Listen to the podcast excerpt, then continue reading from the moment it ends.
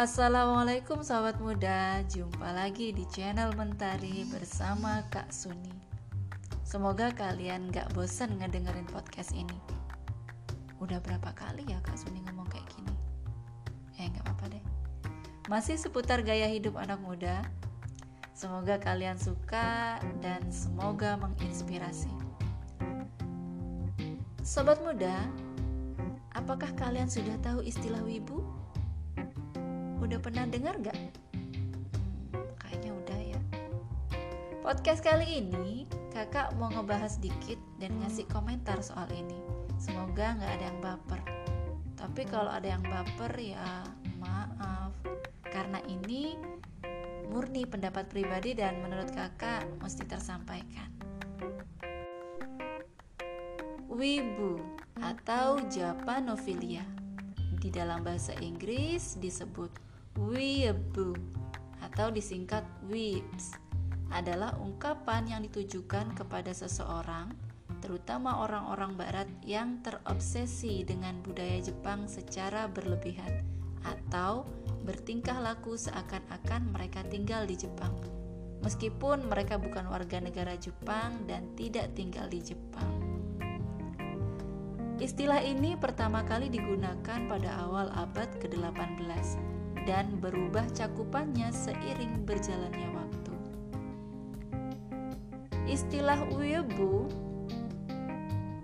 kemudian disingkat menjadi weeb berasal dari webkomik berjudul The Perry Bible Fellowship di mana kata tersebut tidak memiliki arti dan dianggap sebagai sesuatu yang tidak menyenangkan. Japanophilia dianggap terbelakang karena mereka dianggap kurang menghargai budaya bangsa dan negaranya sendiri untuk tingkat yang lebih parah ya.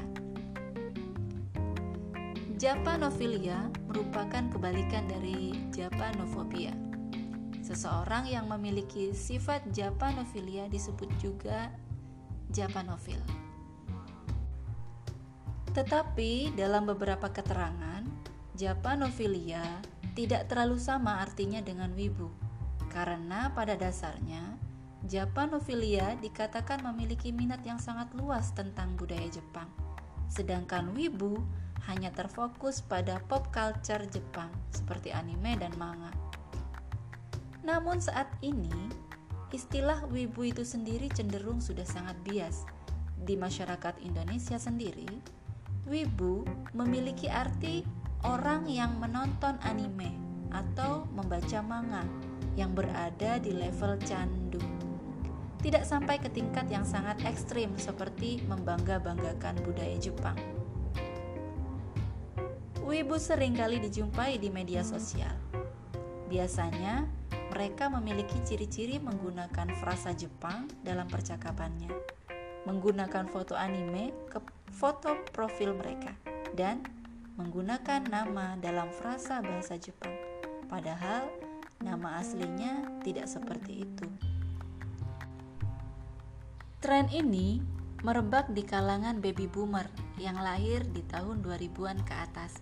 Meskipun dari kalangan milenial juga lumayan banyak yang ngefans dan wibu juga. Ini tidak hanya membuat kehilangan jati diri ya sobat, tapi juga kehilangan tujuan hidup.